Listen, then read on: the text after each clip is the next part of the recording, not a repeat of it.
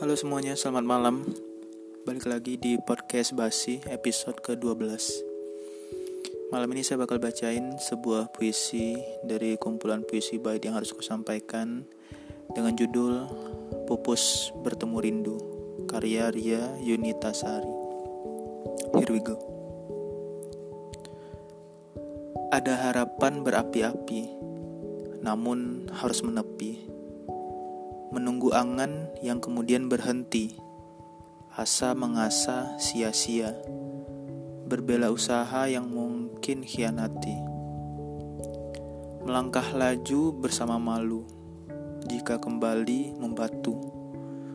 Ada air panas pecahkan ragu, harapan mengasah pun rapuh, terkoyak semua elemen. Bisa jadi ini memang konspirasi semesta, Tak luput rasa rindu semakin menggebu bagai candu. Namun, rinduku jadi racun kalau aku tahu ada yang baru. Harapan pupus dan terputus. Lepaskan saja. Puisi kedua. Memilih dari Rinjani. Hati dihadapkan pilihan ketika hati harus memutuskan sesuatu yang amat membingungkan, membuat batin harus menyimpan. Hati teramat ragu, padahal hati amat rindu. Seseorang yang lama menunggu ternyata tak bisa dituju. Kenapa selalu ada pilihan?